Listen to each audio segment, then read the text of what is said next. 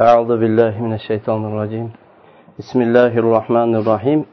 الحمد لله رب العالمين والصلاة والسلام على سيدنا محمد وعلى آله وأصحابه أجمعين. بقونجي صحابي رضي الله عنه صحابي أصحاب كرام رضي الله عنهم قصة أبو طلحة الأنصارين تاريخ كي كيامس أبو طلحة كبتلق إشتكامس أبو طلحة كنيا لربلان بلان otlari zayd ibn sahl. Ismlari zayd ibn sahl. Abu talha roziyallohu anhu hayotlari davomida ro'za tutib mujohid bo'lib yashaganlar shunday vafot etayotgan vaqtlarida ham ro'za bilan jihodda vafot etganlar. Zayd ibn sahl najjoriy yana mm, ismlarini aytdik zayd ibn sahl. Bu kishi bani najjor qabilasidan kunyalari abu talha. Bu kishi hali islomga kirmasdan o'zini yani dinida ota bobolari shirk dinida edi. Rumayso degan ayol. Rumayso bintu malhon bu ham najjor bani najjor qabilasidan ummu sulaym deb kunyalangan ayol. Bu ayol eri vafot etib beva tul qoldi. Yana bu ayolni boshqacha tanisak anas ibn molik roziyallohu anhuning onalari. Bu kishi anas roziyallohu anhuni otalari islomni qabul qilmagan. U kishi vafot dadasi o'lgandan keyin bu ayol tul qoldi. Bu ayolni tul qolganini eshitib bu zayd ibn eri vafot etgandan keyin ya yaxshi bo'ldi deb bu xabardan juda xursand bo'ldi chunki ummu sulaym nihoyatda ulug' bir ayol edilar. Ko'p ibolik og'ir bosiq bosiq oqila. Ya'ni e, o'zini iffatini o'zini nomusini yaxshi saqlagan shunday pokiza ayollardan edilar. Sifatlari hamma ayollarda bo'lishi kerak bo'lgan sifatlari komil sifatlar sohibasi edilar. Shunga bu abu abu talha ya'ni zayd ibn sahl tez bunga sovchi qo'yishga shoshildi. Bu bu ayolga o'xshaganlarga talabgor bo'lgan boshqalar sovchi qo'yib qo'yishidan ilgari kech qolmayin deb shoshilib bu sovchi qo'ydi. Abu talha aniq ishonardiki ummu sulaymga sovchi qo'ysa bunga talabgor bo'lgan bo'lgan boshqalardan abu talhani afzal ko'rmasligini faqat buni ixtiyor qiladi deb bunga juda qattiq ishonchli edi. Nimaga? Chunki abu talhani o'zi ham mard kishi edi. Va johiliyatda endi mard kishi edi va sharafli obro'li kishi edi dunyosi ko'p kishi edi. Bani najjor qabilasidagi pahlavonlarni bittasi edi. Yasrib ya'ni madina shahrida e, mergan nihoyatda to'g'ri otadigan merganlarni sanoqli merganlarni eng e, yaxshilaridan bittasi shu zayd ibn e, sahl edi hamma sharafi aqli odamgarchiligi hammasi komil bo'lganligi uchun bu isha aniq ishonardiki men sovchi qo'ysam albatta boshqaga unamaydi keyin deb keyin abu talha o'zi ummu sulaymning uyiga qarab jo'nadi. U ba'zi yo'lda shu ketayotgan vaqtda ummu sulaym bu makkalik musab ibn umayr roziyallohu anhu makkalik da'vatchini so'zini eshitib muhammad sallallohu alayhi vasallamga ergashib iymon keltirib u kishini diniga ergashganligi esiga tushib qoldi. E bu dini boshqa dedi esiga kelib qoldi. Keyin lekin u keyin o'zicha aytdiki buni zarari yo'q.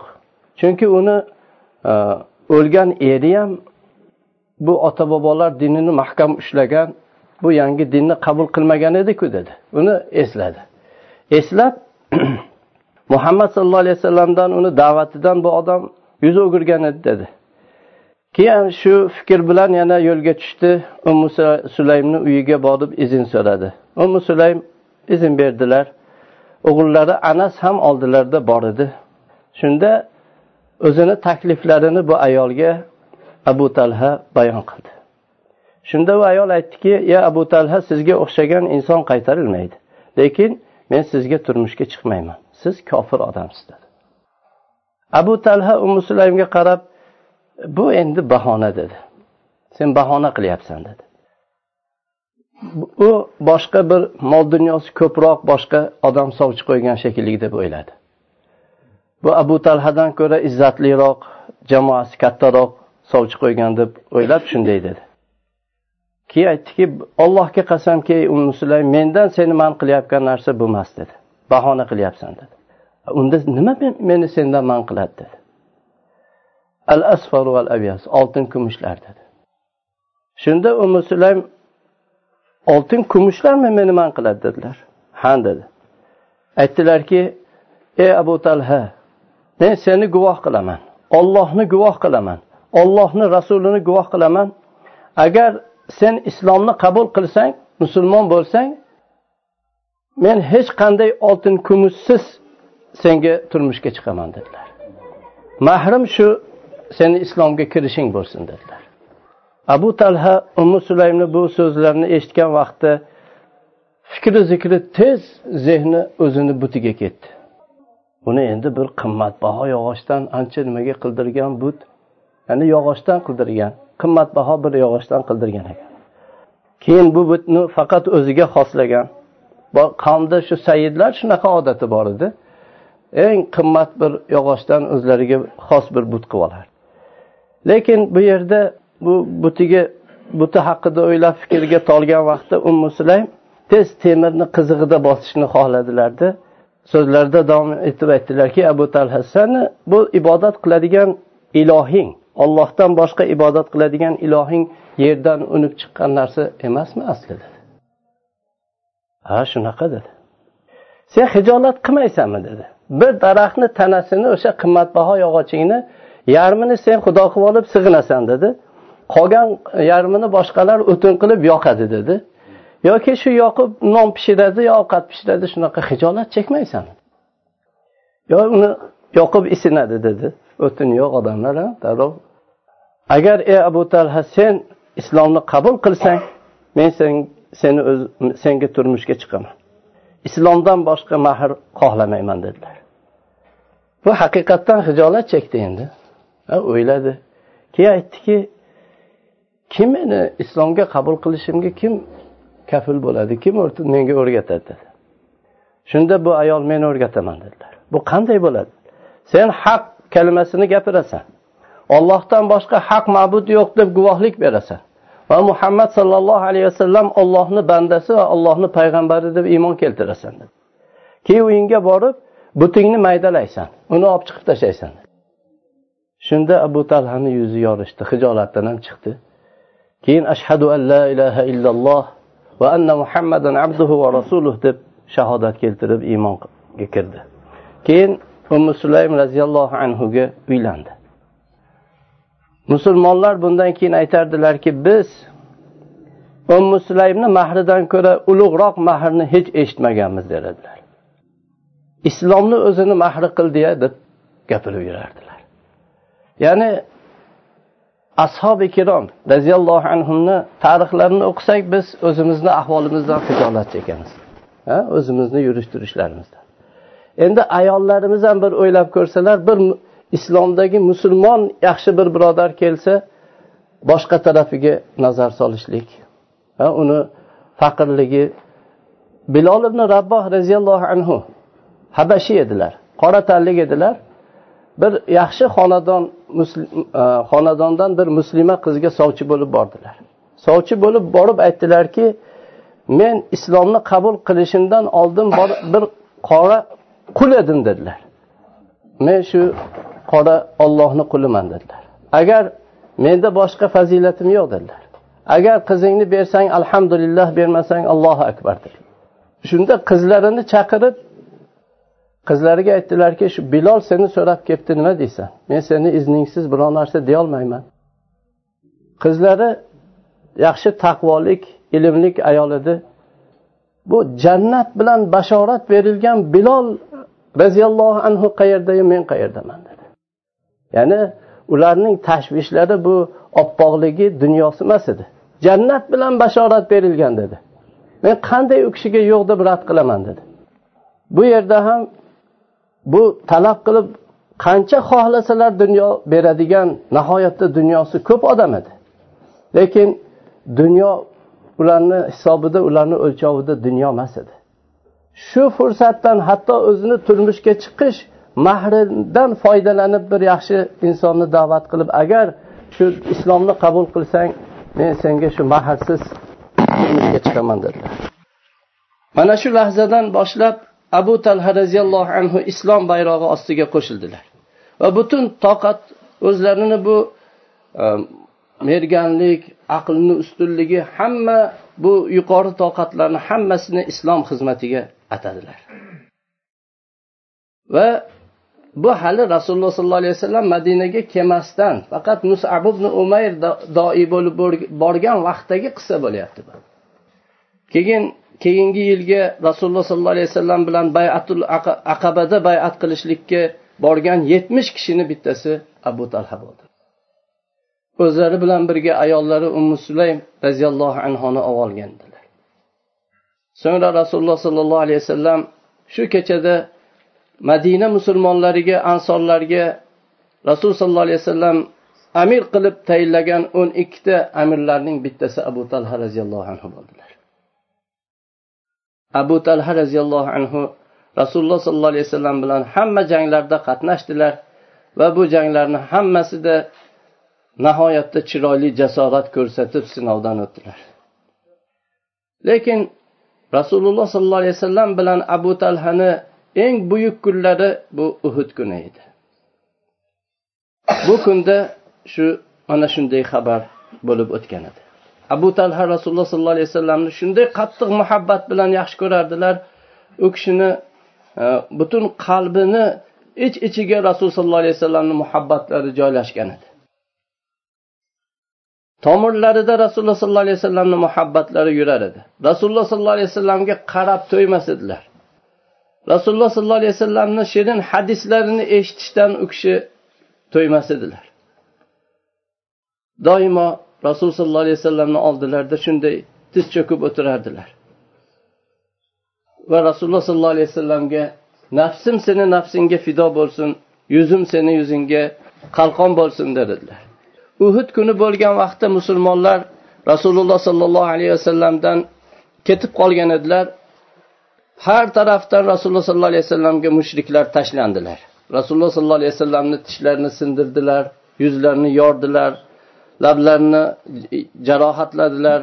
Butun yuzlariga qon oqib turar edi. Ba'zilari muhammad sallallohu alayhi vasallamni qatl qilindi muhammad o'ldi deb ham bunday xabarlar tarqatishdi.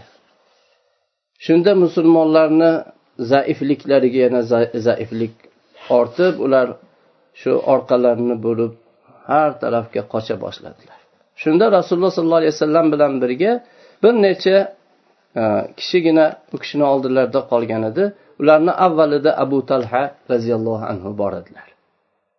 Abu talha rasululloh sollallohu alayhi vasallamni oldilarida mustahkam bir salobatli tog' kabi turib berdilar. U kishi payg'ambar sallallohu alayhi vasallamni oldilariga turib olib rasululloh sollallohu alayhi vasallamni orqalariga olib qalqon bo'lib turardilar. Shu otilayotgan o'qlarga nayzalarga qalqon bo'lib turardilar. Abu talha kamonlarni mustahkam tortib otardilar. Lekin qavm mag'lub bo'lmasdi u kishini xatni o'qlari birortasi xato ketmasdi. Otgan o'qlari bilan o'ldirardilar. Rasululloh sollallohu alayhi vasallamni himoya qila boshladilar. Mushriklar askarlarini askarlarni birma bir kelganini o'ldirardilar. Rasululloh sollallohu alayhi vasallam abu talhani orqalaridan bu kishini e, otayotgan o'q tegyaptimi? deb shu boshlarini ko'tarib qaramoqchi bo'lsalar rasululloh sollallohu alayhi vasallamga qo'rqib aytardilarki ota onam fido bo'lsin. Siz ko'tarilman ko'tarilmang yo rasululloh ularni o'qi sizga tegadi deb abu talha qaytarardilar. Mani ko'ksim sizga qalqon bo'lsin. Sizga fido qilinayin deb qaytarardilar. Shunda musulmonlar askar askarlardan bir kishi shu yugurib ketar edi rasululloh sollallohu alayhi vasallam unga aytardilarki oy to'xta bu o'qtoningdagi o'qlarni abu talhaga bo'shatib berib ket uni olib qochib ketma dedilar. Abu talha roziyallohu anhu rasululloh sollallohu alayhi vasallamni mana shunday himoya qilib turdilar. Hatto uchta kamon sindi u kishini qo'llarida. Alloh taolo mushriklar askarlaridan olloh iroda qilgancha bu kishi qatl qildilar. Juda ko'p odamni bu uchta kamon singungacha ancha odamni qirib tashladilar. Keyin jang tugadi. Alloh taolo o'zini payg'ambari sallallohu alayhi vasallamni salomat saqladi. Abu talha ollohni yo'lida shunday mashaqqatli bir lahzalarda o'zlarini nafslarini bemalol saxovat bilan sarflaganga o'xshash u kishi mol sarflash o'rinlarida ham juda ham saxiy saxovatli kishi edilar. U kishini shu saxovatlaridan biri u kishini chiroyli bir xurmozor bog'i bor edi. Uzum uzumlari bor xurmolari bor bog'lari bor edi. Bunaqa daraxti ko'p bundan katta bog' madinada yo'q edi. Mevalari nihoyatda shunday e, shirin suvlari ko'p bog' bu kishini bog'i edi. Abu talha uni soyalari quyuq solalari soyalari ostida namoz o'qiladilar. Shunda u kishini butun diqqatini e'tiborini bir sayroqi qush o'ziga jalb qildi. Qaradilar rangi yam yashil tumshuqlari qizil oyoqlari ham qizil qip qizil qizilga bo'yalgan shunday. Shunaqa chiroyli sayrar edi daraxtlarni shoxidan shoxiga shu o'ynab uchib yurib sayrardi. Uni ko'rinishi manzarasi abu talhani juda ajablantirdi. Fikrlarida shu qush bilan birga suzar edilar keyin o'zlariga qaytdilarda necha rakat namoz o'qiganlarini bilmadilar. Ikki rakat bo'ldimi uch rakat bo'ldimi bu eslaridan chiqqan edi. Namozlardan bo'shagandan keyin rasululloh sollallohu alayhi vasallamni oldilariga bordilar. Rasul sollallohu alayhi vasallamdan rasululloh sollallohu alayhi vasallamga o'zlarini nafslaridan shikoyat qildilar. Bu bog' meni namozdan burdi dedilar. Bu bog'ni qalin daraxtlari sayroqi qushlari meni namozdan mashg'ul qildi yo rasululloh dedilar. Keyin aytdilarki yo rasululloh siz guvoh bo'ling. Men bu bog'ni olloh yo'lida sadaqat qildim. Buni ollohu rasuli qanday do'st tutsalar shunga sarflasin sarflang siz yo rasululloh deb bog'ni shunday berdilar. Abu talha roziyallohu anhu o'zlarini tamomiy hayotlarida ro'za tutib jihod mujohid bo'lib yashadilar. U kishi vafot etayotganlarida ham shunday ro'zador mujohid vafot etgan edilar. Abu talhadan rivoyat qilinadi rasululloh sollallohu alayhi vasallamni vafotlaridan keyin u kishi o'ttiz yilcha hech iftor qilmasdan ro'za tutib yashadilar. Faqat it kunlarida ro'za tutishlik harom qilingan kunlardagina ro'za tutmas edilar. Hayotlari uzoq yashadilar va qarib qolgan edilar. Lekin bu kishini qariliklari abu talha bilan olloh yo'lida jihodni davom ettirishlik o'rtasini to'solmas edi.